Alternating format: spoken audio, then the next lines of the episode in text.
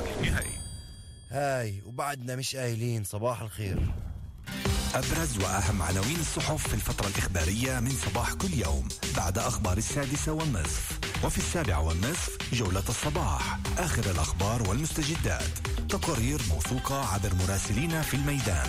وفي الثامنة والنصف صباحا على الأجندة تحقيقات وتحريات صحفية مقابلات ورصد أهم قضايا الساعة المطروحة على الأجندة. راديو مكان digital راديو تلفزيون.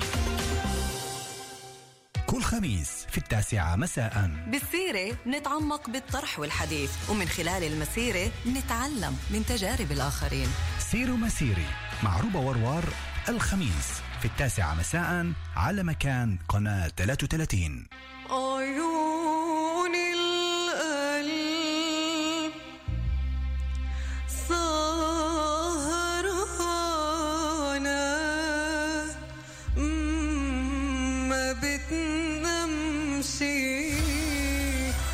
ستار على قناة مكان الحلقة الأولى من تجارب الأداء الخميس في الثامنة.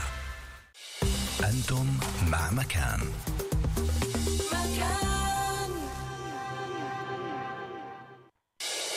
الآن في مكان سوزان دبيني هايد بارك. أحلى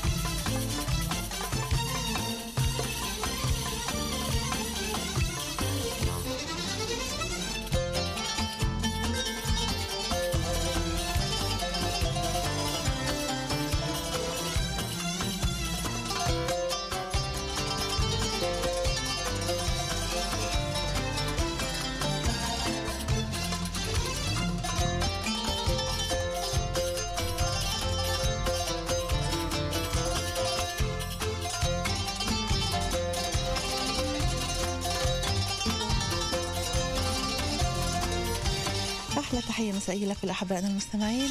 يسعد مساكم أعزائي وإن كنتم عم تسمعونا. على كل اللي اختارونا ليكونوا معنا على مدى ساعة ونص. أحلى تحية. مساء الفل.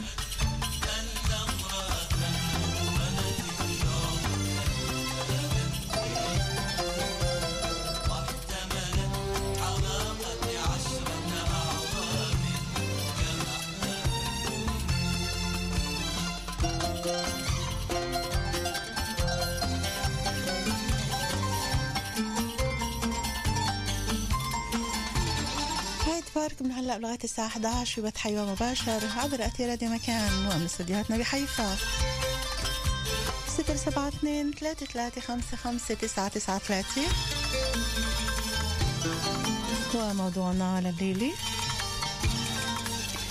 نحن بنعرف نصوت بنعرف فترة الانتخابات بنعرف نخانق بنعرف آه، نرمي قنابل بنعرف نستعمل سلاح بنعرف نتخانق بنعرف ندمر بنعرف نكسر.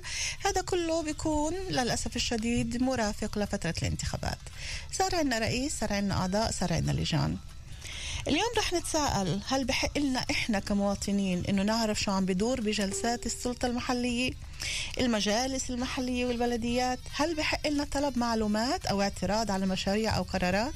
هل هناك ملكية خاصة للمعلومات؟ لمين هي المعلومات هاي؟ هي هل هي لرئيس المجلس أو البلدية أو الأعضاء؟ أم هي ملكية خاصة إلنا إحنا كمواطنين؟ مين هو المخول ليحاسب السلطات المحلية؟ وإحنا وقت اللي بنقول سلطات محلية برجع بذكر عم نحكي عن مجالس محلية وبلديات. هل يحق إلنا كمواطنين إن نطلب ان نحضر جلسة من هالجلسات؟ شو دورنا كمواطنين في التأثير والتغيير. ما حدا يقول هذا لا إحنا خلصنا كل شيء علينا. هلأ شغلهن هني. رح تسمعوا رح تتفاجئوا ورح تعرفوا إنه لو إنكم تابعين وبتمنى من الليل تتابعوا قديش في إلكو تأثير وقديش في إلكو قوة في التغيير إذا إنتوا حبيتوا. رح برافقنا من خلال سهرتنا المحامي نضال حايك مدير عام جمعية محامون من أجل إدارة سليمة. رح نتحدث عنه عن نقاط عديدة جدا. رح يخبرنا عن كل هالأمور وكل هالتساؤلات اللي طرحتها هلأ. الخطوط رح تكون مفتوحة قدامكم للاستفسار للمشاركة بأي شيء بخطر ببالكم حول موضوع المجالس البلديات شو عم بتشوفوا منها؟ كيف ممكن نغير؟ كيف ممكن نعترض صفر سبعة اثنين ثلاثة ثلاثة خمسة خمسة تسعة تسعة ثلاثة. هاي تبارك في إنتاج هذه الحلقة أمين سابق. هندسة إذاعية جانا إيجال. بالإعداد والتقديم معكم دائما بكل الحب وراء الميكروفون سوزان دبيني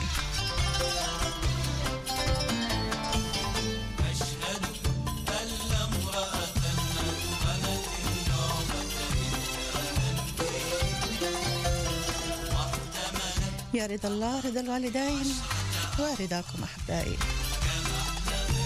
رقم الهاتف صفر سبعة اثنين ثلاثة وثلاثين خمسة وخمسين تسعة وتسعين ثلاثة.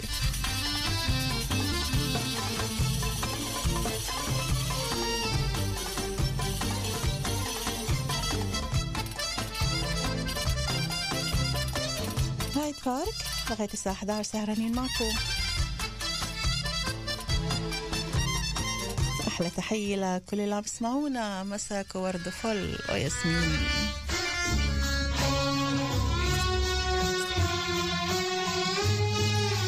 صفحتين على الفيسبوك. سوزان سيداوي دبيني باللغتين العربية والإنجليزية. تعقيباتكم أيضا ممكن تكون هناك. ونقرأها على الهواء.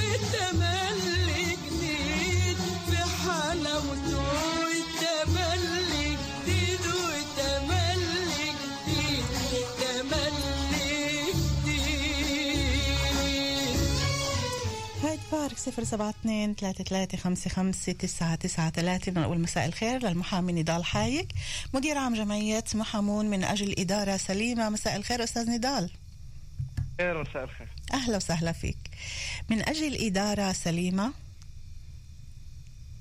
إحنا عم العنوان كبير. نتحد...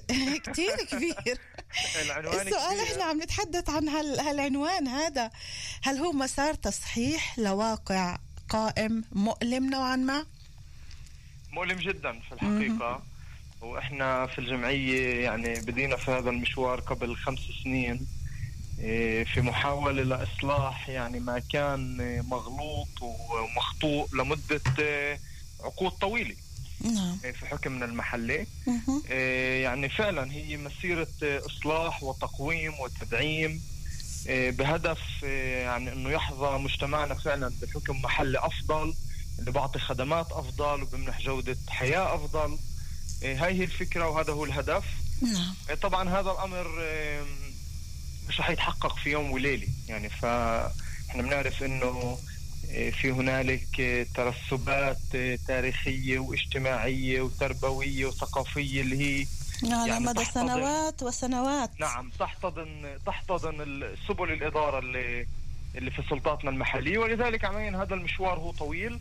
ولكن إحنا متفائلين طبعا و- والقطار انطلق من من محطته وأنا أعتقد إنه يوجد هنالك مؤشرات إيجابية جدا معناتها من خمس من خمس. سنين لليوم عم بتشوف فعلا إنه قدرتوا تعملوا شيء عم تقدروا تفوتوا للبلديات للمجالس و آه، خلينا نقول آه، تعملوا بعد التغيير هناك ولا بصعوبة لأنه مش عم بعطوكم في اطلاع أكيد بالصعوبه هذا واضح هذا واضح ولكن في تغييرات إيجابية يعني وأنا دائما أقول إنه التغيير الأساسي هو في وعي الجماهير.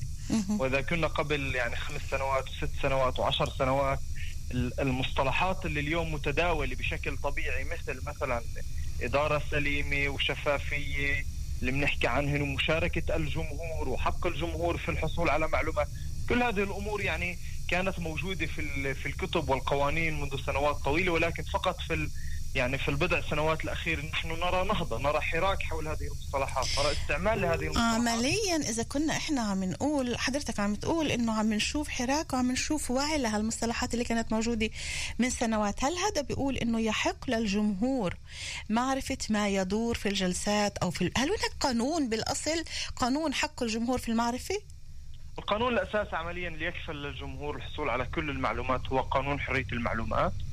بحسب هذا القانون عمليا يحق لكل مواطن في هاي الدولة إنه يحصل على معلومات من المؤسسات العامة.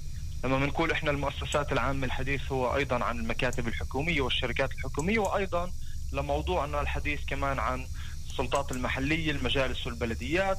لكل مواطن بحق إنه يحصل على كل المعلومات اللي موجودة في إيد السلطات المحلية وهنا عمليا في قضية مهمة جدا لازم نستوضحها واللي دائما في عليها أسئلة وعلامات سؤال لمين المعلومات؟ قبل قبل ما قبل ما نسأل أستاذ نضال لمين المعلومات أنت بتقول يحق لكل مواطن معرفه كل المعلومات. كيف صحيح. يعني يحق له معرفه كل المعلومات؟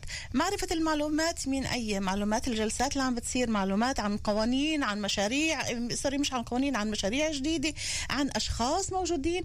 يعني موضوع معرفة كل المعلومات هذا بحر واسع. هل فعلا بحق. هل فعلا بحق لكل مواطن إنه يتوجه ويطلب إنه أنا بدي أعرف معلومات عن X من الناس بدي أعرف معلومات شو صار في مشروع اللي أنتم عم تقوموا فيه أو اللي عم شو عم بتخططوا؟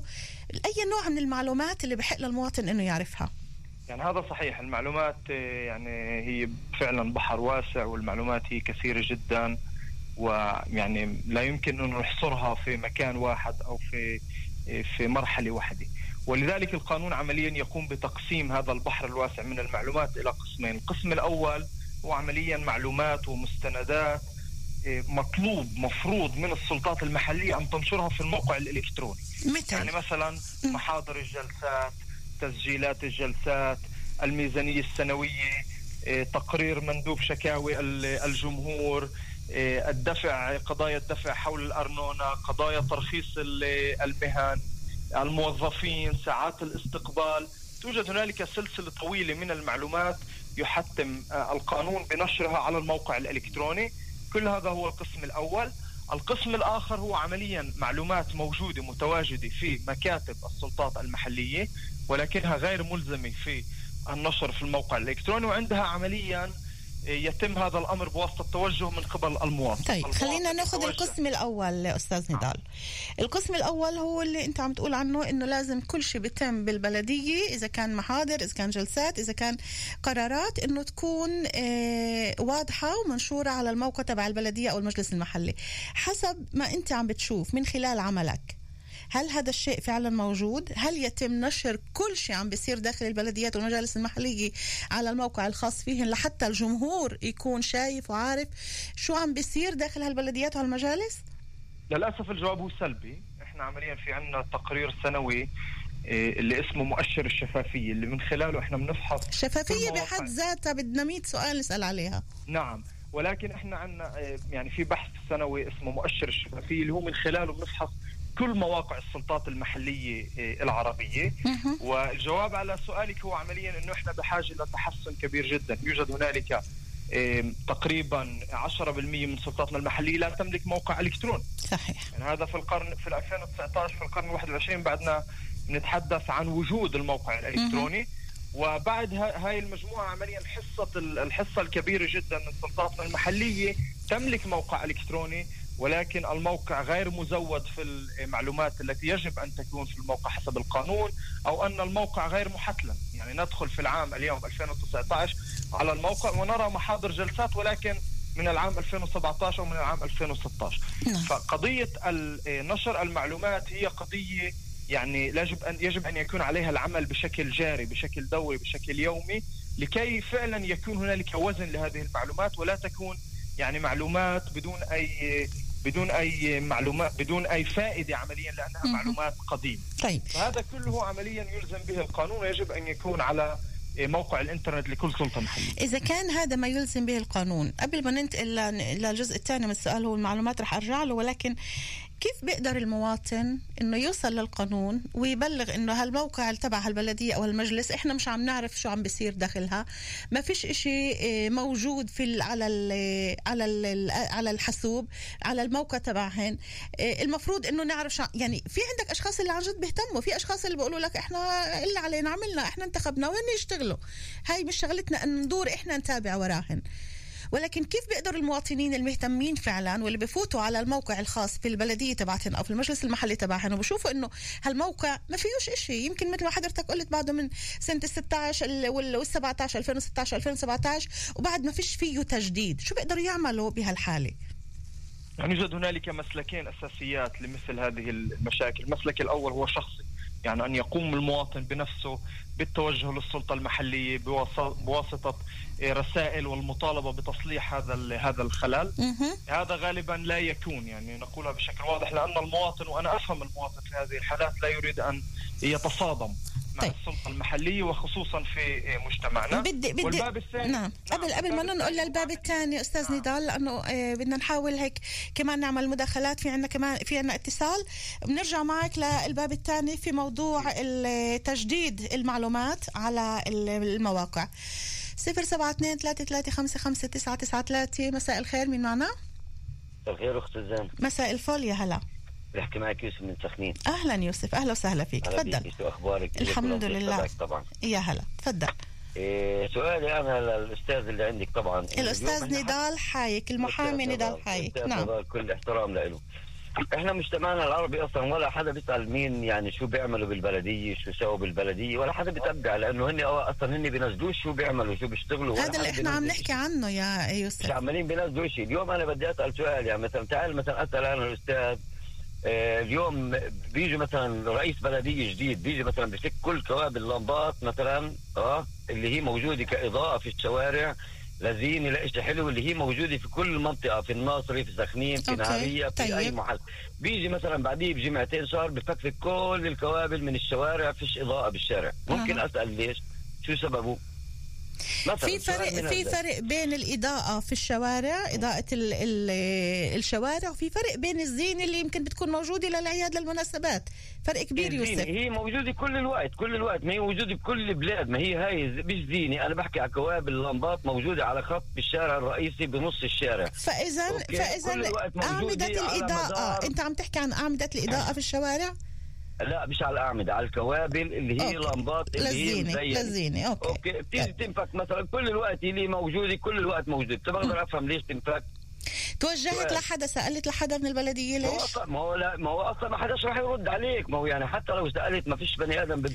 فيش بني أنت بتقدرش. تعرف قبل ما تحاول خلينا نسمع من المحامي الاستاذ نضال حايك. بهاي الحالة ثاني- سؤال لحظة لحظة يوسف لإلي. نعم. أوكي اسأل السؤال. الثاني اسأل السؤال الثاني سؤالي الثاني لإلي اليوم إذا مثلا آه، בוא נגיד نقول مثلا آه، آه، المعارضة مثلا مش في معارضة أوكي. اللي هن مثلا בוא נגיד سقطوا طيب. وبيجوا مثلا بيحلفوا بيحلفوا مثلا الأعضاء بيحلفوا يمين. قاطع بيحلفوا يمين على القرآن إنه بدناش إحنا نأتلف أوكي طيب ماشي وبيجي واحد X منهم بيأتلف مع أوكي. ال- اللي أخذوا الرئاسة أوكي بقدر بيقدر يعطيني الأستاذ نور إيش تفسيره هذا نضال أستاذ نضال طيب يوسف شكرا كثير لك تابعنا اسمعنا عن طريق الراديو. أنا شكرا معك أكيد طبعا يا أنا هلا. تحياتي. أستاذ نضال واحدة من ال- السؤال الأول آه، لأخ يوسف كان عن موضوع مش أعمدة الإنارة إنما كل موضوع الزينة هلا هو عم بيسأل لمين؟ ويمكن هو أعطى جواب لحاله سلبي هالقد قبل ما يجرب أو قبل ما يحاول. بقول لك حتى لو سألنا ما حدا برد علينا. شو المفروض يعملوا بهالحالة؟ يعني اولا يجب أن يتم توجه حتى لو إنه في اعتقاد مسبق أو انطباع مسبق إنه لن يكون هنالك تجاوب. يعني يجب أن يكون هنالك توجه. وطرح الموضوع بواسطة رسالة أو بواسطة توجه للقسم صاحب العلاقة في في البلدية أو في المجلس والحصول على جواب. يعني في هذه الحالة يمكن فعلا ان أن تكون هذه ال- الإضاءة لها علاقة في في التزيين الذي يكون لفترة محددة.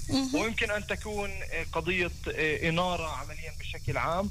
وقضية الإنارة بشكل عام يعني تحتكم للقانون يوجد هنالك قوانين. واضحة لا هو ما حكى عن أعمدة الإنارة نعم. حكى عن موضوع الزينة اللي كل السنة بتبقى موجودة ولكن عم بيقول إنه لما استلم الرئيس الجديد فك الإنارة نعم، كلها أنا كل أعتقد الكوابل يعني لربما هنا يعني هنا إشارة لقضية أكبر وهي إنه وهذا نراه في العمل اليومي إنه يعني كل رئيس يأتي يحاول أن يبدأ من الصفر وهذه إحدى المشاكل في سلطاتنا المحليه يعني يقول لا أريد أن أسمع عن كل ما قام به سابقي. أنا يعني من عندي يبدأ التاريخ وأنا سأبدأ من الصفر ويقوم بتهميش كل ما قام به المنافس السابق أو الرئيس السابق بهدف عمليا أوكي. ان يظهر نعم. ما يمكن أن يقوم به. هذه طبعا هلا الحل الحل. لمين يتوجه الأخ يوسف أو أي مواطن في عنده شكوى مثل هاي ال- نعم في أسلوب، عملياً بأي طريقة؟ القسم- نعم القسم صاحب العلاقة هو قسم الهندسة يجب التوجه لقسم الهندسة في في السلطة المحلية والحصول على جواب لهذا لهذا التساؤل. ربما عمليا يوجد هنالك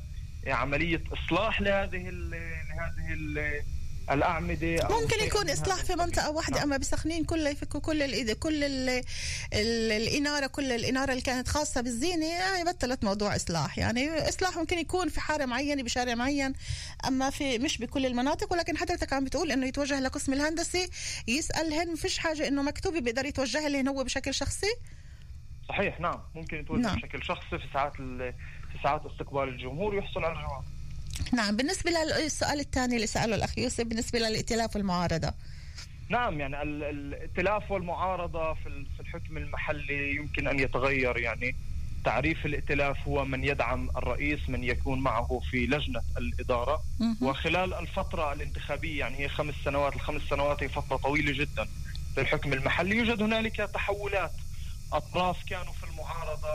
يتحولون إلى الطرف الائتلاف وهنالك من كان في الائتلاف يتحول إلى ال- المعارضة وما إلى ذلك. كل قضية حلفان اليمين يعني هي طبعا غير قانونية ولا يمكن أن أن يحت... يعني القانون لا يحتكم لحلفان يمين. ي... قانونيا يمكن لعضو المجلس أن ينتقل من المعارضة إلى الائتلاف والعكس نعم. كما يريد وكما يشاء. أوكي. هذا بالنسبة ليوسف بتمنى أخذت الإجابة. يوسف وإلك الحق الكامل أنك تتوجه للبلدية لقسم الهندسة إذا كنا عم نتحدث عن موضوع الإنارة وتسأل السؤال اللي عندك وتحصل على آه، إجابة عليه. قبل ما نواصل مع حضرتك أستاذ نضال في عنا كمان اتصال من كمان مستمع 072 3355 993 هايد بارك مساء الخير. ألو مساء الخير. مساء النور. يحكي محمد مراد من كابول. أهلا يا محمد تفضل. إيه، السلام عليكم أستاذ نضال هلا بيك يعطيك العافية. بالعافية. بدي أسألك الشو الشور تشاف بندفع عليه ولا بندفعش عليه؟ من المفروض أنه يكون مجاني. المفروض إنه يكونوا مجاني. محمد محمد بدي أطلب منك تكون في منطقة اللي نقدر نسمعك بوضوح لأنه الخط شوي عم بيكون عالي واطي. تكون في منطقة واحدة لحتى نقدر نسمع الأسئلة واضحة. يلا يا محمد. عيني هسه أيوه بالضبط. هلا منيح. تفضل. الاشور تشاف الاشور تشاف عندنا بكابول عمالين بيدفعوا عليه 20 شيكل. لمين بيرجع هذا الإشي أستاذ نضال؟ إذا كان لازم يحصلوا على يعني تصريح يجب- معين أو نعم يجب أن يكون مجاني عمليا. ولكن في بعض ال... يعني هذه الظاهرة آه، بدأت بالانتشار في السنوات الأخيرة في بعض المجالس. وهذا بهذا آه، عمليا منع ال- المواطنين من الحصول على نفس ال... نفس المصادقة. أو نفس ال... الورقة آه، عدة مرات في السنة.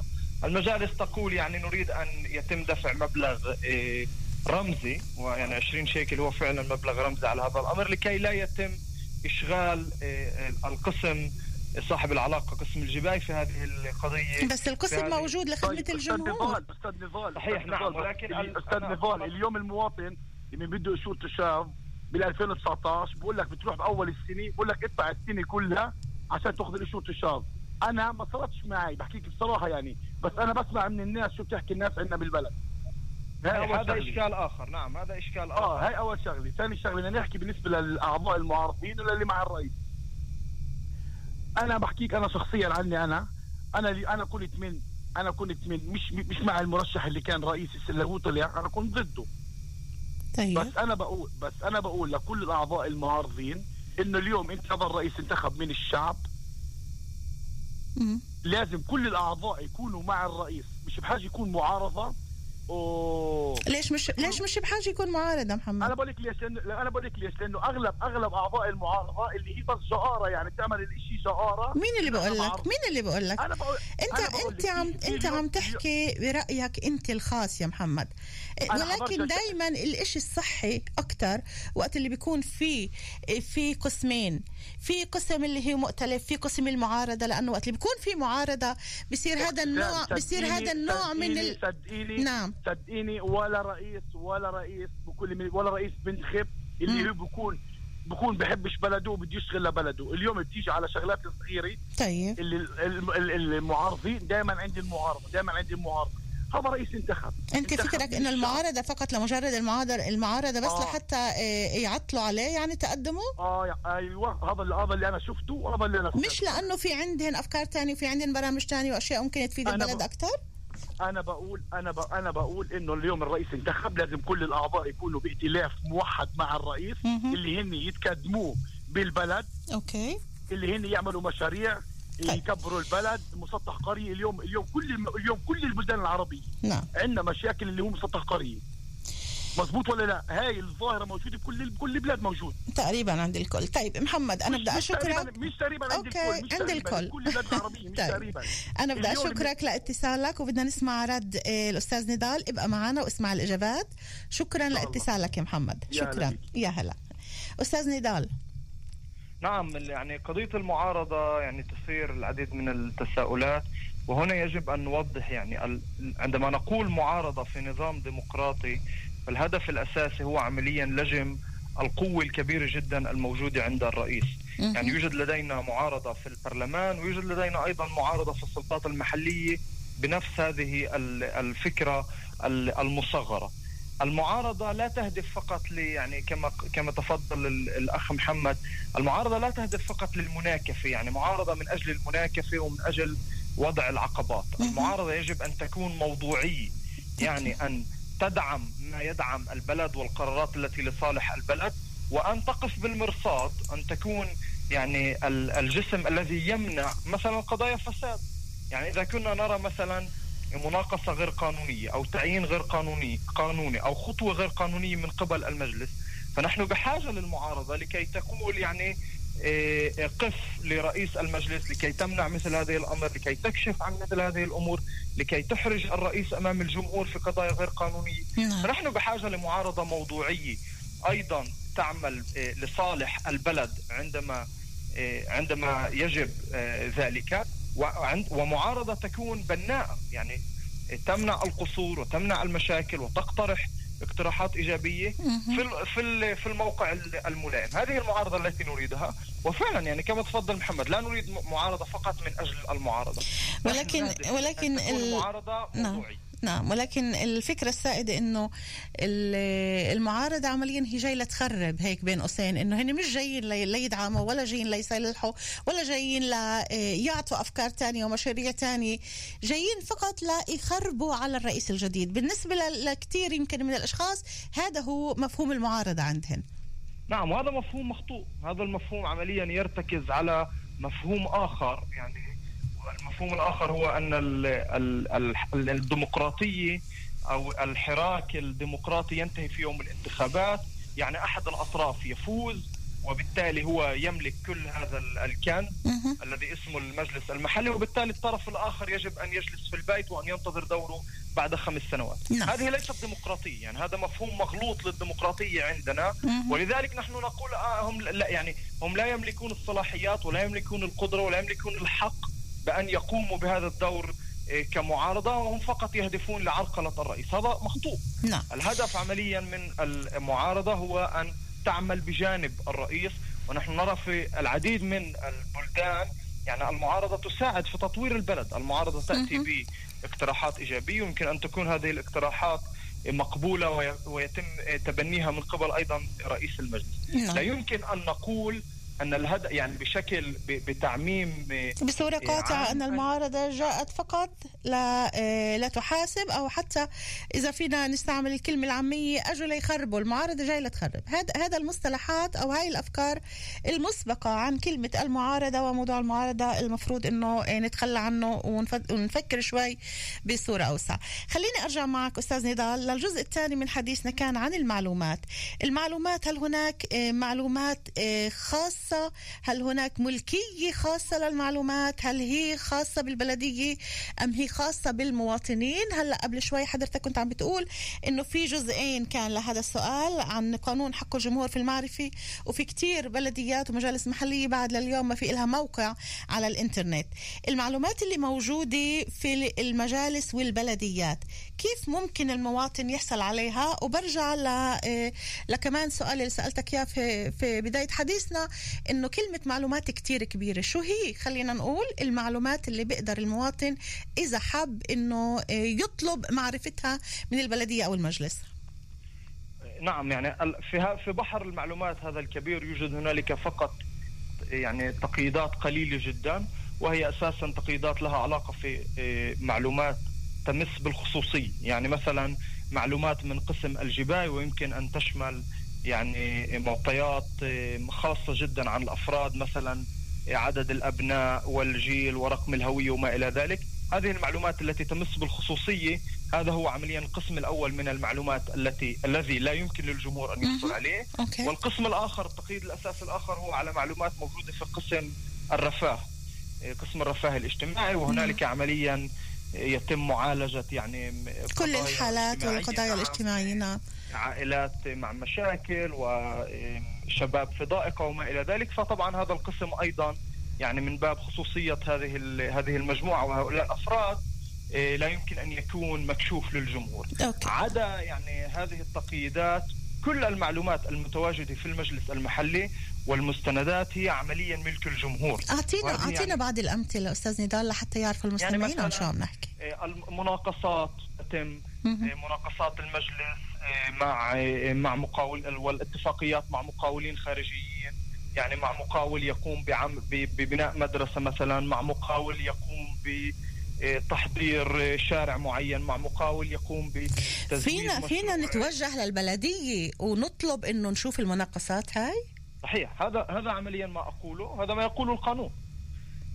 هذا ما يقوله القانون. القانون إيه، يمنح لكل مواطن هذا الحق والقانون يرتكز يعني وهذه قضية أساسية ومهم أن نقولها بشكل بشكل واضح. القانون يرتكز على الفكرة أن المعلومات هي ملك الجمهور. وعندما نسأل عمليا لماذا إذا كانت المعلومات ملك الجمهور هي موجودة في المجلس أو في البلدية والإجابة القانونية هي أن المجلس أو البلدية مؤتمن على هذه المعلومات يعني كما نضع إيه، أموالنا في البنك. والبنك هذه الأموال هي ملكية خاصة لنا ولكن البنك هو مؤتمن عليها هكذا عمليا السلطات المحلية والمؤسسات العامة مؤتمنة على المعلومات والمستندات ولكن في نهاية الأمر هذه المعلومات تعود للجمهور وبالتالي عندما يقوم الجمهور بالمطالبة بهذه المعلومات يعني كما إيه، نذهب إلى ال- إلى البنك ونطالب بالأموال التي نملكها بنفس الأسلوب عمليا يحق لنا أن نحصل على المعلومات من السلطات السؤال هل السلطات ال- ال- المحلية بتوافق فعلا إنه تعطينا المعلومات اللي إحنا بدنا إياها إذا كان عن مناقصة أو عن مشروع أو عن أي شيء آخر؟ يعني هذا الأمر متعلق في في الأفكار وفي الأنماط التي تسيطر على سلطاتنا المحلية. أنا أعتقد أنه في السنوات الاخيره يوجد هنالك تحسن نوعا ما في هذا الموضوع. ولكن طبعا للأسف في العديد من الأحيان نحن نرى أن السلطات المحلية لم تذوت يعني مبدأ حرية المعلومات ولم تذوت فكرة أن المعلومات هي ملك الجمهور وهي تعارض. يعني فاذا شو بنعمل نحن بهالحالة؟ وقت اللي بيعارضوا okay. طيب آه خلينا ناخذ كمان اتصال 072 33 مساء الخير.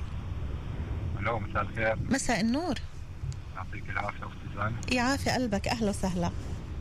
سؤال لضيفك الكريم. نعم المحامي نضال حايك. يعطيك ألف عافية. ويعطيه ألف عافية. هلا. آه، أخ نضال آه، سؤال بالنسبة لبرنامج راح يحول بحلقات في البلدات العربية. في هناك نسبة بتكون اللي هي نسبة اللي تخصم من الأرض من صاحب الأرض طبعا من أجل المصلحة العامة. في هناك حد أدنى وحد أقصى للخصم من نسبة الأرض. مين اللي بيقرر؟ مين قديش هي النسبة؟ وشو هو الحد الأدنى وشو هو الحد الأقصى المسموح اللي ياخذوه من قطعة الأرض لو إن مين معي لطفا؟ أبو عبد الله منين أبو عبد الله؟ من نحل من نحف لو إنك تابعتنا الأسبوعين اللي مرقوا اللي كنت كان معنا المحامي وكاتب العدل مشيل عون اللي شرح بالتمام عن موضوع الأراضي عن موضوع الضرائب الأرض قديش نسبة عمار فيها وقت اللي بتكون كمان ممكن ياخذوا جزء منها للأملاك العامة لبناء شوارع وغيره. بس بتأمل إنه الأستاذ نضال يكون في عنده إجابة لهذا الموضوع. أوكي بس سؤال ثاني كمان بالنسبة لهذا الموضوع إنه في محلات عندنا في تعرف مناطق مختلفة بالبلد اللي كان فيها هذا البرنامج اللي يحوز بحلوكا في مناطق اللي أخذوا منها تعال نقول 20% وفي مناطق اللي أخذوا منها 35% ليش يعني هالمنطقة هيك وهالمنطقه هالقد أخذوا منها؟ بالنسبة للمعارضة كمان اللي كان للأخ اللي من كابول اللي كان يحكي عن شغلة المعارضة نعم. والاختلاف. أوكي. أنا حسب رأيي كل شخص بيرشح حاله للمجلس إن كان عضوي طبعا من الأعضاء. رشح حاله بالطور بشكل عضو للمجلس نعم. حسب رأيي بس لازم يكون في الاختلاف لأنه هو نازل بالأول وبالأخير هو نازل نازل مصلحة بلد. ومصلحة البلد إنه كلهم يكونوا مؤتلفين وما يكونش في معارضة؟ حسب رأيي الشخصي إنه آه. بيقدر بنفس الوقت لما يكون في شغلة اللي هو مش رضيان عنها حتى لو هو في الائتلاف بيقدر يصوت ضد ويشرح ليش كمان. طيب. okay فاذا أبو عبد الله تابع معنا لنسمع من الأستاذ المحامي نضال حي موضوع الأرض وأنا سعيدة باتصالك وطبعا رأيك بنحترمه لأنه كل واحد في عنده رأيه الخاص. وتابع معنا أبو عبد الله عن طريق التليفون. okay. واسمعنا يا هلا فيك. واسمع رد الأستاذ نضال. أستاذ نضال موضوع الأراضي والأخذ من الأراضي بهدف البناء أو بهدف فتح شارع أو إقامة حديقة عامة كل الأمور هاي على إيش بيعتمد؟ نعم يعني هذه قضية يعني موجعة وفيها إشكالات عديدة في كل البلاد على فكرة ليس فقط في مجتمعنا. القانون عمليا يمنح لسلطات البناء والتنظيم لجان البناء والتنظيم إمكانية لعمليا مصادرة قسم من الأراضي بهدف عمليا بناء للصالح العام. يعني أوكي. مثلا يمكن أن يكون حديقة أو شارع أو مدرسة أو ما إلى ذلك. وبهدف عمليا بناء هذه المؤسسات العامة أو شق الشوارع أو يعني أي هدف عام آخر يمكن عمليا مصادرة أراضي. وهذه المصادرة عمليا يمكن أن تكون لكل الأرض يعني بشكل تام. كل الأرض ممكن نعم يصدروها الأرض. نعم يمكن مصادرة الأرض بشكل بشكل كامل. طبعا. وفي العديد من الأحيان وهذا في غالب الأحيان المتبع يتم مصادرة قسم من الأرض. الإجابة على السؤال عمليا إيه، كم يتم إيه، كم يعني من من من, من الأرض يتم مصادرته؟ النسبة هو اللي عم بيقول يرتكز- 20 وإشي 35 على شو بيعتمد؟ لا ما هو هذا هو هذا هو الإجابة عمليا. هذا يرتكز على اعتبارات عمليا تنظيمية وهندسية. أوكي. يعني هذا نحن نريد أن آه، نريد أن يتم شق الشارع. ويوجد هنالك يعني مهندس يقول أن الشارع بأفضل صورة ومن ناحية ال- الأمان والبنى التحتية وما إلى ذلك يجب أن يمر من آه، من هذه الأراضي. للاسف عمليا يتم اقتطاع جزء من هذه الأراضي. يمكن أن يتم يعني اقتطاع بشكل مختلف من عدة أراضي. هذا بحسب عمليا الخارطة ال- المطروحة. نعم إيه، في العديد من الأحيان وأنا أعتقد أن هذا ما يعني يلمح إليه إيه، أبو أبو عبد الله أن- نعم. نعم ان يوجد هنالك اعتبارات سياسية تدخل في هذه القضية وبالتالي عمليا يتم إزاحة المشروع أو إزاحة ال- ال- الشارع أو تعديل الخارطة بحيث أنه يتم اقتطاع قسم أكبر من طرف معين أو قسم أقل من طرف معين حسب من هو يعني الذي يريدون أن يساعدوه. هذه قضية قانونية يعني بحتة. يجب أن يكون يجب أن تكون الخارطة عمليا موضوعية بشكل تام وترتكز على اعتبارات هندسية ولا يجب أن يعني ويجب أن تتم محاولة جدية لاقتطاع أقل قسم ممكن من أراضي الناس. وطبعا القانون أيضا يحتم آه، آليات لتعويض من يتم مصادرة أراضي منه في بعض بكل, الأحيان. بكل الحالات بتم نعم تعويضها ليس في كل هذا أيضا صحيح ليس في كل الحالات وفي بعض الأحيان عندما يتم اقتطاع قسم صغير نسبيا من الأرض يوجد في بعض القوانين حتى 25% أي ربع الأرض وفي قوانين أخرى 40% إذا يتم اقتطاع هذا القسم من الأرض في بعض الأحيان يكون هنالك إعفاء للسلطة من آه، تعويض ال- المواطن. نعم. بدي أنتقل معك لسؤال تاني بالنسبة للجلسات. جلسات البلديات جلسات المجالس المحلية بنسمع عادة إنه إيه، صار كذا وكذا كذا في الجلسة اتفقوا ما اتفقوا.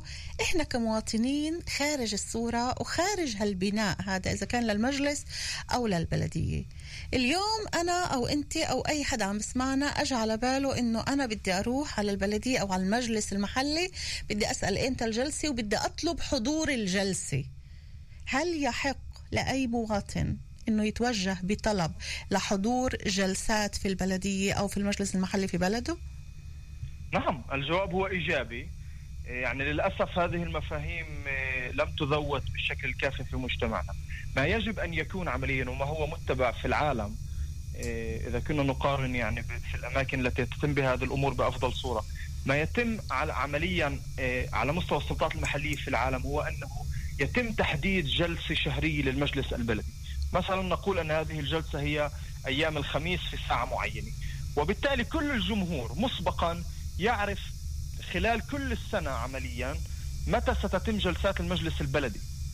إيه هذا هذا يعني أول أمر. وبالتالي هذا يسمح للمواطنين بأن ينظموا وقتهم وأن يشاركوا في هذه الجلسات. هذا الأمر الأول. برجع الثاني- هل هل بيسمحوا لهم انهم يدخلوا ويشاركوا بالجلسات؟ نعم، هذا- ولا بقولوا لك جلسة مغلقة هاي لأعضاء البلدية أو بقول- أعضاء المجلس نعم. المحلي؟ هذا القسم الثاني. القسم الثاني هو عمليا أن هذه الجلسات وأنا أشدد من جديد يعني هذا متبع في العالم في البلاد متبع في بعض السلطات المحلية الكبيرة يعني في القدس وحيفا وتل أبيب وبعض السلطات المحلية الكبيرة هذا متبع. والقسم الثاني هو عمليا أن هذه الجلسات مفتوحة بشكل تام أمام الجمهور يعني يمكن للمواطنين أن يجلسوا في هذه ال- الجلسات وأن يستمعوا للحوار وعملية اتخاذ القرارات التي تكون في داخل المجلس البلدي. والأمر الثالث وهذا متبع بشكل تام آه، خارج خارج البلاد وغير متبع في البلاد هو عمليا أنه يتم من خلال هذه ال- الجلسات للمجلس البلدي أيضا منح حق للمشاركين من الجمهور. يعني أنا أتحدث عن مشاركين من الجمهور وليس من أعضاء المجلس. نعم. بأن يسمعوا صوتهم. بطرح أسئلة أو مداخلات؟ نعم أسئلة أو مداخلات أو معارضة طبعا في في العديد من الأحيان يعني هذا الأمر يتم بشكل منظم جدا. يعني أنا في يعني في في الولايات المتحدة مثلا يتم تحديد دقيقتين لكل مشارك وعمليا يتم تحديد ساعتين للنقاش العام الذي هو من قبل الجمهور والجمهور يأتي ويسمع صوته والأمر منظم جدا. في سلطاتنا المحلية طبعا الامر بعيد كل البعد عن هذا الموضوع. اولا لا يتم نشر للأسف موعد الجلسات ولا يتم دعوة الجمهور. ثانيا في العديد من الأحيان يعني كما ذكرتي آه، يتم آه، رفض مشاركة الجمهور بإدعاءات يعني واهية جدا آه، مثل أن الجلسة مغلقة وأمور آه، ما إلى ما إلى ذلك من ال من فعلا يعني هي أكثر حجج يعني لا تمت للواقع لل- للقانون بالصله والأمر الثالث هو أيضا من ناحية البنية التحتية مجالسنا وسلطاتنا المحلية بشكل عام غير جاهزه لاستقبال الجمهور. يعني نحن نرى أن بس إحنا مش عم نقول إنه يروحوا المجلس 500 واحد يحضروا جلسة أستاذ نضال. إحنا عم نقول إنه أشخاص معينين من بلد من قرية معينة بيقدروا يختاروهن أهل البلد أو بيقدروا يكونوا رؤساء جمعيات معينة. اللي معنيين يعرفوا شو عم بيصير بيقدروا يطلبوا بصورة محترمة يروحوا يطلبوا إنه إحنا بدنا نحضر الجلسة. إحنا مش عم نحكي عن مظاهرات ال- اللي بدهم يعملوها داخل البلدية أو داخل المجالس المحلية. نعم هذا صحيح. أنا أقول أن المباني يعني إذا كنا نتح... ننظر إلى غالبية القاعات التي تتم بها جلسات المجلس البلدي في سلطاتنا المحلية هي غير مهيئة لاستقبال الجمهور يعني القاعة نفسها موقع الجلسة لا يمكن أن آه، يعني أن آه، يكون به مكان كافي يعني القاعة لحضور نفسها لا 20 تتسع ل... 30 ل... أو 40. خلينا نقول 10 أو 20 واحد زيادة بدهم يفوتوا على أعضاء على الأعضاء مش رح يكون في لهم محل هناك صحيح هذا احدى هذه إحدى المشاكل. ولذلك عمليا إحدى الاقتراحات التي اقترحناها في السابق على السلطات المحلية هو عمليا إقامة جلسات المجلس البلدي في مؤسسة يعني داخل البلد تتسع للجميع. ليس في المجلس أو ببناية المجلس أو في بناية نعم. البلدية انه عمليا مثلا في المركز الجماهيري في قاعة واسعة جدا. اقتراحكم الأسلوب قبول من قبل البعض على القليله بتاتا لا. بتاتا لا. طب هلأ حضرتك كمدير عام جمعية محامون من أجل إدارة سليمة إذا أنتم مش عم بقدر مش عم تقدروا سوري على الكلمة بس إنه آه، كل القوانين هلأ اللي اللي قلت لي عليها كلها معترف فيها عالميا وبكل العالم عم بيمشوا فيها إلا إحنا لأنه مجالسنا بدناها بدهاش ولأنه بلدياتنا بدهاش مع إنه حقنا من ناحية قانونية مثل ما حضرتك عم بتقول. الجمعية نفسها لما أنتم بإيدكم الصلاحية الكاملة انكم تغيروا وهذا هو من أجل إدارة سليمة. شو ممكن تعملوا لحتى فعلا تدخلوا للبلديات وللمجالس المحلية بعد الأشخاص اللي يكونوا مندوبين عن جمعيات أو عن ما بعرف شو اللي يقدروا يكونوا موجودين بالصورة؟ صحيح. يعني عمليا ما نقوم به الأمر الأساسي الذي نقوم به هو التوجه للمحاكم. ومن هنا عمليا نحن آه، يعني لدينا إنجازات واسعة في هذا المجال. وهي من باب المحاكم. يعني أعطيك مثالا على قضية ال- الشفافية.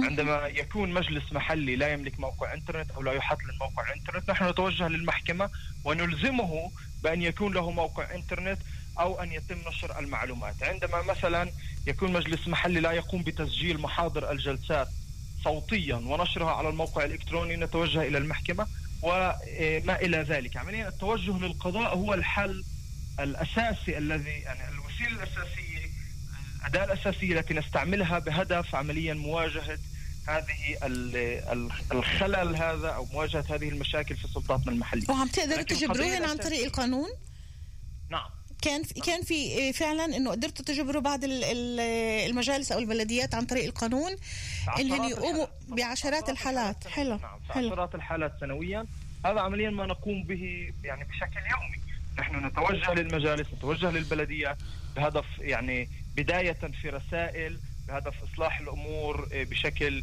خارج المحاكم. نقول لهم يعني القانون يقول آه، أنه يجب عليكم واجب معين آه، وأنتم لم تقوموا بهذا الواجب حسب الفحص أو حسب شكوى وصلتنا وعمليا نطالب بتصليح هذا القصور. في العديد من الأحيان تتجاوب السلطات المحلية يعني أحيانا بتأخر وأحيانا ليس بالشكل الكامل الذي نريده.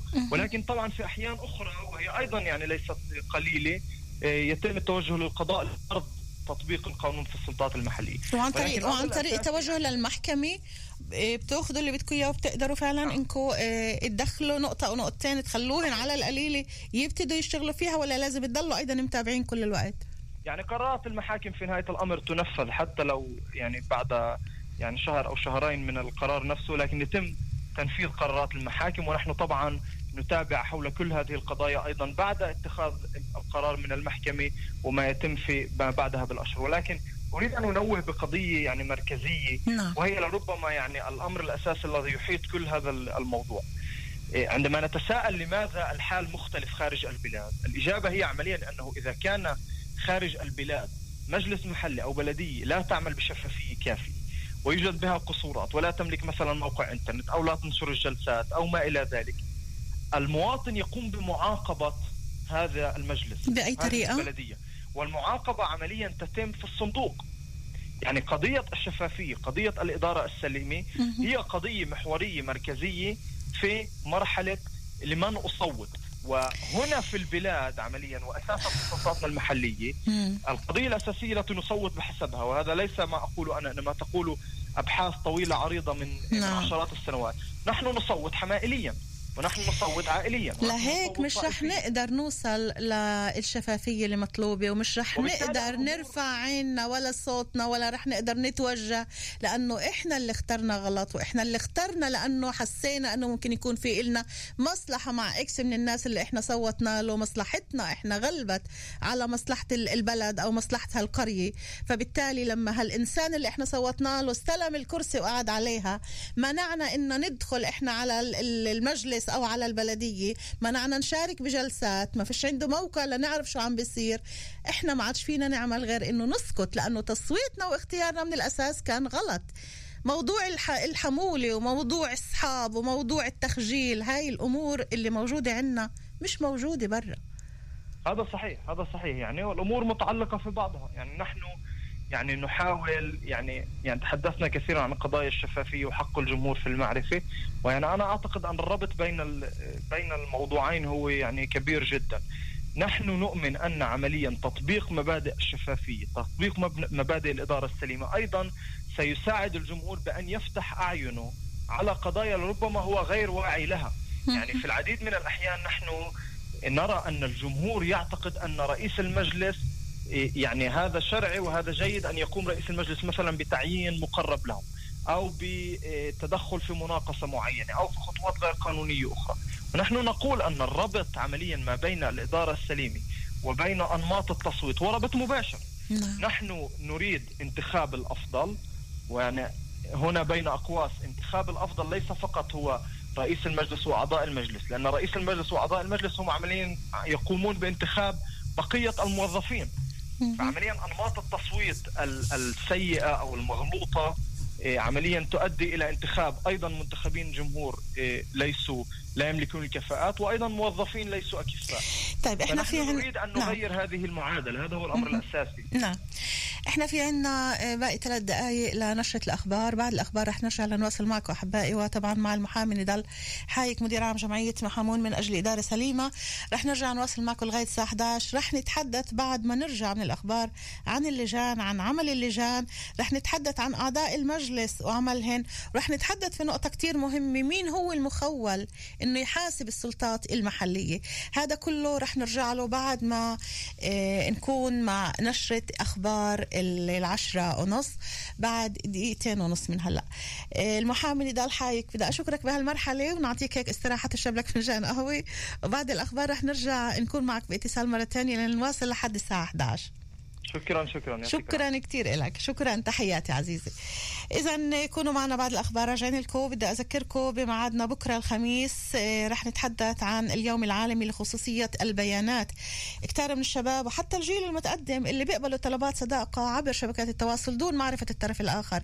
كيف هذا بأثر على خصوصية عائلاتنا؟ كيف بأثر علينا؟ لما إحنا أصبحت بيوتنا من زجاج ما فيش إلنا خصوصية لا إلنا لا لأولادنا ولا لحرمة بيوتنا. كل شيء مكت- على شبكات التواصل من ناحية بيانات.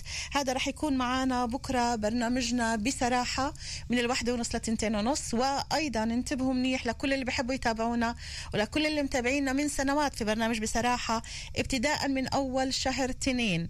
رح يكون برنامج تعالوا نحكي بصراحة يوم الأحد مش يوم الخميس. معناتها من ثلاثة تنين يوم الأحد بتكون الحلقة الأولى من برنامج بصراحة في الموعد الجديد. كل يوم أحد الساعة تنتين ونص بيكون برنامج بصراحة بدل الخميس. بكرة بيكون البرنامج وبأول شهر تنين بنبدا الدورة البرامجية الجديدة. برنامج تعالوا نحكي بصراحة بنتقل ليوم الأحد. يوم الأحد بيكون على الساعة تنتين ونص. دقيقة. من بعدها بنكون معنا شوية أخبار. من بعدها بنرجع لنكون معكم لغاية الساعة 11 هاي تبارك. دايما مع كل الحب. سوزان دبيني.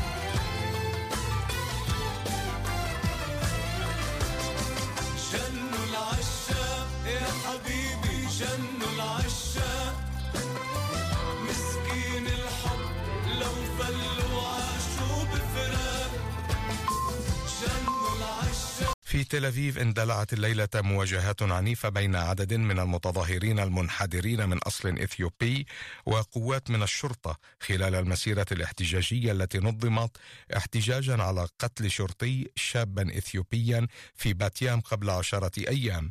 وقام بعض المتظاهرين الملثمين في ميدان رابين بإلقاء زجاجات وحجارة وأغراض مختلفة باتجاه أفراد الشرطة مما أدى إلى إصابة ثلاثة منهم بجروح. كما أضرم متظاهرون النار في حاويات للقمامة وألحقوا أضرارا بالماديات وسدوا عدة طرق أمام حركة السير وجرى اعتقال عدد من المشاغبين على ذمة التحقيق.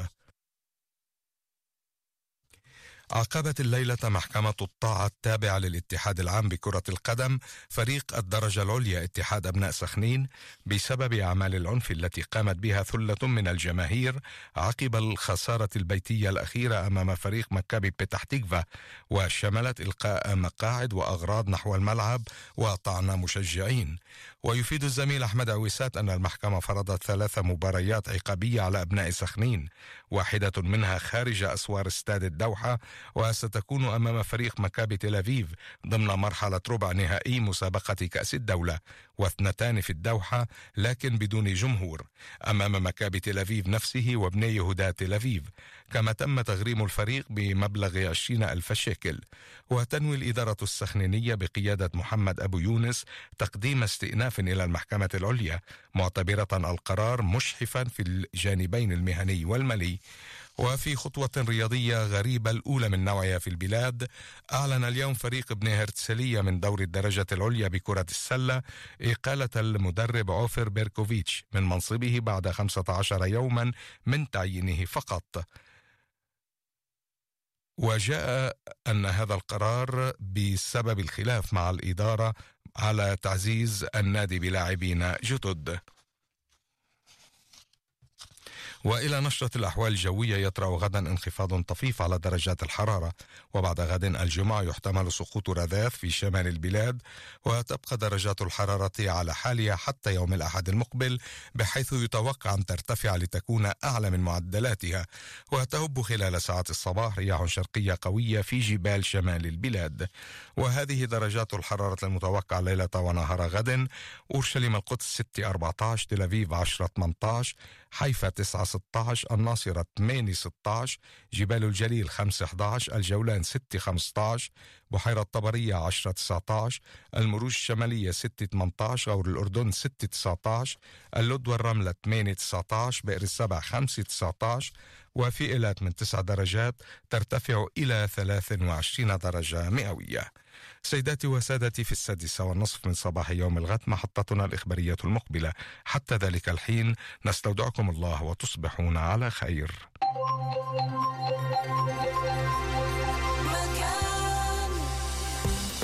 تسعة وتسعين فاصلة ثلاثة. اثنين وتسعين فاصلة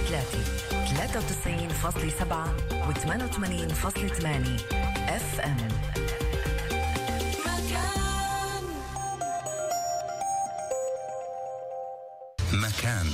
لأنه في عنا للكل مكان. في ال digital في الراديو وفي التلفزيون. مكان هيئة البث الإسرائيلي.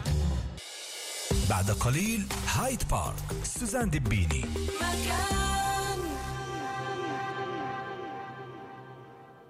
كل خميس في التاسعة مساء. بالسيرة نتعمق بالطرح والحديث ومن خلال المسيرة نتعلم من تجارب الآخرين. سيروا مسيري. مع روبا وروار الخميس في التاسعة مساء على مكان قناة 33 حبي اللي تركني وراح اتعذب لحالي. نياله القلب ومرتاح من هم الليالي. أرب ستار على قناة مكان الحلقة الأولى من تجارب الأداء الخميس في الثامنة. أنتم مع مكان.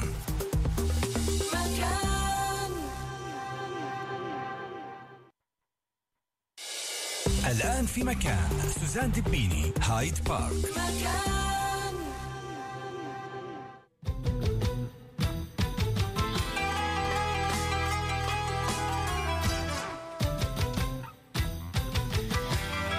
رجعنا أحبائي لنتواصل معكم. لغاية الساعة 11 بث حيوة مباشر عبر أثير راديو مكان. من استديوهاتنا بحيفا. هايد فارك. صفر سبعة اثنين ثلاثة ثلاثة خمسة خمسة تسعة تسعة ثلاثة. صفحتين على الفيسبوك سوزان سيداوي دبيني باللغتين العربية والإنجليزية.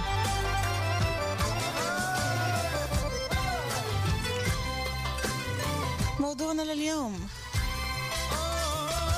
بعد ما ننتخب وتخلص فترة الانتخابات هاي إذا خلصت على خير وسلامة. نفتكر إنه إحنا دورنا خلص. بنترك المجال للأعضاء للجان للرئيس يعملوا اللي إياه وإحنا بنقعد بنتفرج. ولكن وضح لنا المحامي نضال حايك إنه لا إلنا دور كبير وإلنا حق كبير في معرفة كل شيء عم بيصير. حتى إلنا حق إنه نشارك نطلب إنه نشارك بالجلسات نطلب إنه نعرف المعلومات نطلب إنه نعرف أي مناقصة صارت. إلنا حق كامل. العشاق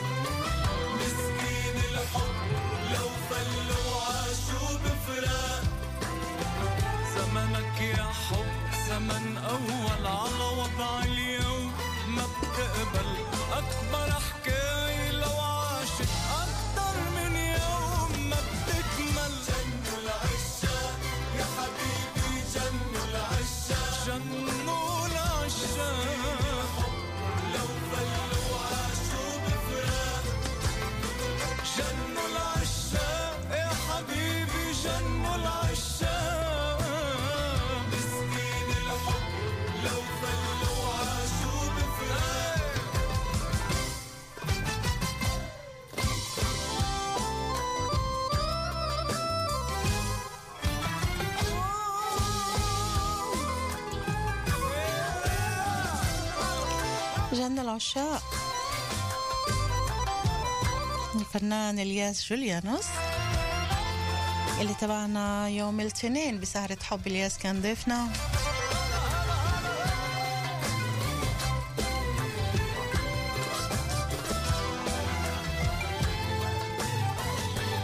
لكل اللي بحب يشاركنا بأي استفسار أي تساؤل أو أي تعقيب 072 33 55 993 كتاب الحب يلي بيفهم ما بيبقى بيتأثر جنوا العشاق يا حبيبي وما عرفوا الدرب. بكتاب الحب يلي بيفهم ما بيبقى بيتأثر من حكاية مكتوبة عدقات القلب محسوبة. تنعيش يا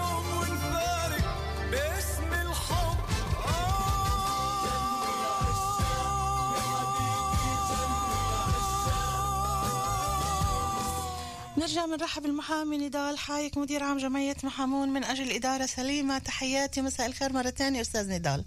مساء الخير مساء الخير. أهلا وسهلا فيك. إحنا ما عادش عندنا كتير وقت يعني تقريبا شي إيه، 15 أو 17 دقيقة. بدنا نحاول على السريع نغطي بعض النقاط. أول شي موضوع اللجان عمل اللجان إيه، أستاذ نضال. كيف فينا نعرف هاللجان اللي بألفوها؟ وكل واحد بكون في تحت إيده كمان واحد وكمان واحد ومراقب على هذا. كل موضوع اللجان وكل موضوع أعضاء ال- ال- المجلس هذا. مين ممكن يراقبهن؟ ممكن مين ممكن يعرف شو عم بيعملوا؟ نعم يعني القانون يقسم قضية اللجان إلى قسمين توجد هنالك لجان إلزامية. يعني مثل؟ ملزم كل مجلس وبلدية أن أي لجان؟ بتفعيلها. مثلا آه، لجنة المالية لجنة الإدارة لجنة التخفيضات في الأرنونة لجنة المناقصات لجنة الرقابة. كل هذه اللجان عمليا هي لجان إلزامية. يجب أن تعمل وأنا أشدد على كلمة يجب أن تعمل وأن يتم تفعيلها في كل المجالس والبلديات. ويوجد هنالك مجموعة أخرى من اللجان هي لجان عمليا اختيارية وهنا عمليا آه، الباب واسع جدا يعني ويمكن لكل مجلس أن يشكل أي لجنة آه، يريدها في أي موضوع يريده لكي آه، تساعده في تنجيع العمل. مثلا يمكن أن تكون هنالك لجان تعنى بقضايا الشباب لجان تع- تعنى بقضايا البيئة لجان تع- تعنى آه، بقضايا في. تحديد لعدد أعضاء اللجنة قديش ممكن يكون. إذا كان في عنا إحنا هون مثل ما حضرتك ذكرت ثلاثة واثنين خمس لجان اللي هذه المفروض إنها تكون من الواجب إنها تكون. وقلت ممكن أيضا بعض اللجان الفرعية. في تحديد على القليل لعدد أعضاء هاللجنة ولا خمسة وعشرة و15 ممكن يكون؟ كيف؟ يعني لكل لجنة يوجد هنالك تركيبة قانونية آه، محددة وهي مختلفة. يعني مثلا في لجان معينة يكون بها آه، تكون بها التركيبة أيضا من أعضاء المجلس وأيضا آه، من الموظفين الكبار في المجلس أو البلدية. لجان أخرى عمليا تتشكل بشكل آه، آه، بشكل خاص فقط من أعضاء المجلس. توجد هنالك لجان تتشكل من مجموعة أفراد أيضا من خارج يمكن أن يكونوا من خارج المجلس. يعني ليسوا موظفين وليسوا منتخبي جمهور ولكن لهم علاقة في الموضوع مثلا من وزارة التربية والتعليم أو من وزارة البيئة أو من وزارة الرفاه وما إلى ذلك. أوكي. التركيبة تختلف من لجنة إلى آه، أخرى والأمر الأساسي عمليا في عمل اللجان هو تفعيلها. يعني الهدف من اللجان هو آه، تنجيع العمل. لا يمكن للمجلس البلدي لأعضاء المجلس البلدي أن يعالجوا كل القضايا وأن يتعمقوا في كل القضايا ال- التي يمكن أن تواجه عمل المجلس المحلي. ولذلك عمليا نقوم بتشكيل هذه اللجان لكي تختص في قضايا معينة يمكنها أن آه، تعالج مواضيع لل- للعمق وأن تقدم عمليا توصيات للمجلس البلدي. مين اللي بيختار مين اللي بيختار أعضاء اللجان هاي؟ أفراد اللجان هاي مين اللي بيختارها؟ المجلس ال- عمليا كل منتخبي الجمهور المجلس المحلي هم الذين يقومون بانتخاب الأعضاء لهذه اللجان ولكن يعني كما ذكرت حسب التقييدات القانونية ال- المتعارف عليها. وبعدها عمليا مفروض أن تبدأ هذه اللجان بالعمل وأن تعمل خلال كل ال- الدورة. في العديد من الأحيان يعني كما قلت هذه اللجان لا تعمل. في العديد من الأحيان يعني هي لا تعمل ولكنها تقبض في آخر الشهر. يعني في في غالب الأحيان من يشارك في هذه اللجان يعني له معاش راتب ثابت من مكان آخر يعني أو يكون موظف في المجلس المحلي وهذا يكون داخل هذا ال- الراتب أو يكون من خارج المجلس المحلي ولكن أيضا له يعني هو ممثل الجسم ولا يحصل على آه، مبلغ إضافي. هذه إحدى المشاكل يعني أن هذه اللجان لا يتم تفعيلها. والأمر الآخر وهو له علاقة أساسية في في قضية آه، الشفافية. هذه اللجان يعني تحتكم لنفس المنطق الذي تحدثنا عنه أنه يجب دعوة الجمهور للمشاركة في هذه اللجان. آه، ولكي آه، يعني يستمع إلى عملية اتخاذ القرار ما عدا اللجان التي يعني كما ذكرنا بها حساسية خاصة ويمكن أن تمس في خصوصية الجمهور مثلا لجنة تعنى في قضايا الرفاه أو لجنة تعنى في قضايا نعم الجباية نعم الش- الأمور اللي ذكرت لنا إياها في البداية. من خلال عملك آه، المحامي نضال حايك آه، بديش عدد آه، محدد بالتحديد. بدي نسبة مئوية إذا فيك تعطيني. بلديات ومجالس اللي فعلا بيهتموا بعمل اللجان اللي بيراقبوا عمل اللجان أو اللي بيسمحوا لأشخاص للمواطنين إنهم يشاركوا أو يسألوا أو يستفسروا في أمور خاصة في البلدية أو المجلس. يعني عدد السلطات المحلية التي فعلا تشغل وتفعل اللجان كما يجب هو قليل جدا. وعدد السلطات المحلية التي تسمح للجمهور بمشاركة في هذه اللجان هو أقل أيضا من هذا العدد. وأنا يمكن أن أعطي مثال يعني نحن قمنا بفحص في ال- في العام الماضي حول إحدى اللجان الإلزامية في السلطات المحلية وهي اللجنة التي تعنى في مناهضة العنف. يعني اللجنة لمناهضة العنف نعم. هذه لجنة إلزامية وطبعا مجتمعنا يعاني من العنف ويجب أن يعني كنا نفترض أو نخمن أن تكون هذه اللجنة فعالة جدا في كل سلطاتنا المحلية. والمعطيات تدل أنه فقط في ست سلطات محلية عمليا كانت هذه اللجنة فعالة وتلتئم وتصدر قرارات وتوصيات وفي كل باقي السلطات المحلية عمليا لم يتم تشكيل هذه اللجنة أصلا. فلا يعني هذه المعطيات تدل على الحال بشكل بشكل عام. قضية اللجان مهمشة في العديد من الأحيان في سلطاتنا المحلية أيضا بسبب أنماط الإدارة. يعني هنالك من يريد أن يكون له يد في كل قرار ولا يمكن أن يسمح بتوزيع المهام على اللجان. وبالتالي هذه هي النتيجة عمليا خلل جدي في قضايا اللجان هو عمليا خلل جدي في سبل الإدارة في سلطاتنا المحلية. أنت أنت عم آه عم تستعجلني من خلال حديثك لأسألك عن موضوع الرقابة. إحنا إحنا عمليا باقي معنا 10 دقائق موضوع الرقابة مين ممكن يحاسب؟ مين ممكن يكون رقيب على ما يحدث؟ إذا كان عم كل حياتنا هلأ صارت للأسف الشديد 90% من حياتنا بالعنف. وعم تقولي إنه في عدد كبير من السلطات المحلية ما فيهاش حتى لجان لمكافحة العنف. مين ممكن يكون مراقب؟ هلأ إذا إذا بنعطي أسماء أو إذا أي شخص بتوجه لمجلس محلي أو لبلدية وبطلب إنه يقابل هاللجنة لمكافحة العنف وبقولوا له ما فيش. هل بيقدروا المواطنين يشكلوا ضغط على البلدية أو على المجلس لحتى يشكلوا هاي اللجان وتقوم فعلا بعملها مثل ما لازم. إذا كان إحنا عم نقول عم نحاول بكل الطرق إنه نحد من ظاهرة العنف ومش عم نقدر. والبلديات عم تاخذ ميزانيات المجالس المحلية عم تاخذ ميزانيات والشيء المهم اللي عم عم باخذ أولادنا وعم باخذ حياة أولادنا كل يوم في عندنا حوادث قتل وما فيش بهالمجالس بهالسلطات المحلية ما كلفوش خاطرهن ان يشكلوا لجنة خاصة لمنع العنف. يعني الحل موجود يعني والحل هو التوجه للقضاء. وهذا يمكن أيضا للمواطنين أن يقوموا به وأيضا يمكن لجمعية مثل جمعيتنا أن تقوم به. ولكن يعني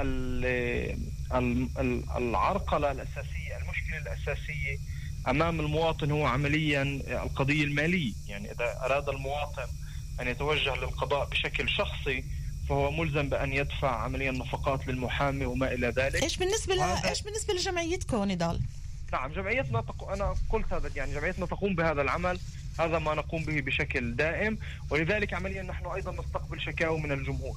يعني من لديه إيه، إشكال معين في أي قضية من كل اللي ذكرناها عمليا اليوم في البرنامج وأيضا في قضايا أخرى. يعني كل قضية تخص الإدارة السليمة في السلطات المحلية يمكن أن يتوجه لنا. نحن نقوم بفحص هذه إيه، الشكوى وإذا فعلا ثبتت الشكوى إيه، من باب الأدلة من الباب القانوني نقوم عمليا باتخاذ الخطوات اللازمة. وإذا اضطرنا الأمر في يعني في نهاية المطاف نتوجه للقضاء. هذا ما نقوم به عمليا يوميا وهذه عمليا هي لربما الميزة الأساسية في هذه الجمعية. أن هذه الجمعية لا تنتظر من أحد أن يقوم يعني بدوره بشكل دبلوماسي. تتوجه تقول القانون يلزم بخطوات معينة وإن لم تقوموا بهذه الخطوات فنحن نتوجه للمحاكم بهدف عمليا إيه، الدفاع عن حق الجمهور بهدف تجذير أسس الإدارة السليمة تجذير سلطة القانون وأهمية مثل هذه الأمور. تعرف يعني قضيه نعم. قضية اللجنة اللي مناهضة العنف هي مثال واحد. يعني يمكن أن نعطي نفس المثال على مثلا لجان تعنى في التربية والتعليم ولجان تعنى في قضايا الشباب. الشيء معلش معلش بدي اسفه إنه عم بقاطعك بس آه، صار لنا سنوات سنوات عم ندعي للحد من ظاهرة العنف. صار لنا سنوات عم نحكي وعم نحاول من خلال كل برامجنا بالإذاعة والتلفزيون إنه نحاول نلاقي طرق للحد من ظاهرة العنف. وهلأ بجملة واحدة أنت قلت لنا إياها حسسنا قديش زي زي كأنه إحنا عايشين بعالم آخر بلدياتنا ومجالسنا المحلية. كل كل الموظفين اللي فيها كل اللجان اللي فيها ما فيهاش لجنة وحده لمنع العنف. وإحنا عم نحارب وعم نعمل كل الطرق اللي بنقدر عليها لحتى نحد من هاي الظاهره وهن قاعدين حاطين إجر على إجر فيش عندهم لجنة. لحتى تمنع العنف أو حتى تبحث عن طرق لمنع العنف. يعني أنا مش قادرة أستوعب هاي هاي الجملة بحد ذاتها. يمكن رجعتني هلأ سنين لورا من من تعب كل القائمين على موضوع العنف لحد اللي يحدوا من هالظاهرة ومجالسنا وبلدياتنا ما شاء الله. فيش عندي لجنة لمنع العنف. أنا بتأمل يعني فعلا إيه. جمعيتكم إنه تقدر تجبرهن عن طريق القانون عن طريق المحاكم إنه كل واحدة من هالسلطات المحلية لازم يكون في عندها واجب يكون في عندها لجنة لمنع العنف. صحيح. يعني أنا يعني القضية هي أوسع يعني قضية العنف يعني القضية هي أوسع من فقط قضية اللجنة. يعني المجالس والبلديات يوجد هنالك عدة سبل لمحاربة هذه الظاهرة. ليس فقط بواسطه اللجنة وكل هذه الطرق كل هذه القضايا يعني مهمشه أو لا تعمل بشكل جيد. يعني مثلا أعطيك مثالا قسم التربية والتعليم قسم الشباب. هذه الأقسام غالبا في السلطات المحلية هي أقسام ضعيفة جدا مهمشة جدا لا تحصل على ميزانيات بالشكل الكافي. وبالتالي يعني عمل جيد لهذه الأقسام كان سيقلل من نسبة العنف. يعني هي بالضرورة أقسام تعنى في منع العنف قبل وقوعه.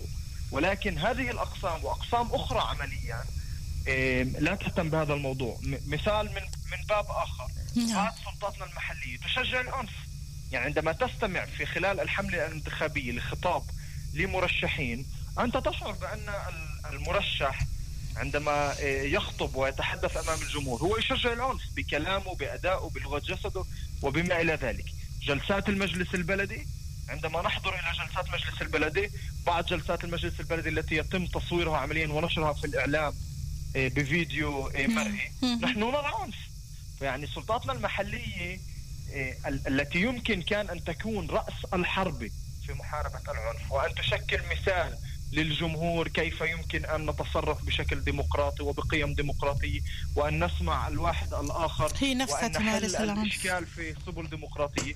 هي للأسف يعني في غالبية الأحيان تقوم بالأمر العكسي. نعم. تشجع العنف إيه، تشجع إيه، إيه، تصرف غريبة عن مجتمعنا خطيرة وما إلى ذلك. وللأسف يعني هذا هذا الحال يعني يميز يعني حصة الأسد من سلطاتنا المحلية طيب، إحنا باقي معنا- والنتيجة نراها نعم. كل يوم النتيجة بالضبط، نراها. ونسمع عنها كل يوم بعرفش إذا آه، ال- المصطلح إنه قديش بتحس بوجع بقلبك لما لما بتسمع هذا الكلام عن جد هاي يمكن هذا الوصف لل- للإحساس اللي حسيته من خلال حديثك إنه العالم كلها عم تنبذ العنف ومجالسنا وبلدياتنا فيش عندهم لجان للعمل للحد من الظاهرة ضل عندي سؤال واحد بنحاول نجمله بعد إذنك خلال دقيقتين لأنه وقت برنامجنا انتهى.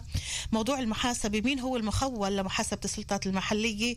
بالإضافة للمؤسسات الحكومية طبعا وزارة الداخلية وزارة المالية وزارة العدل مكاتب مراقب الدولي ولكن مين أيضا مخول لمحاسبة السلطات المحلية خلال دقيقتين بعد إذنك؟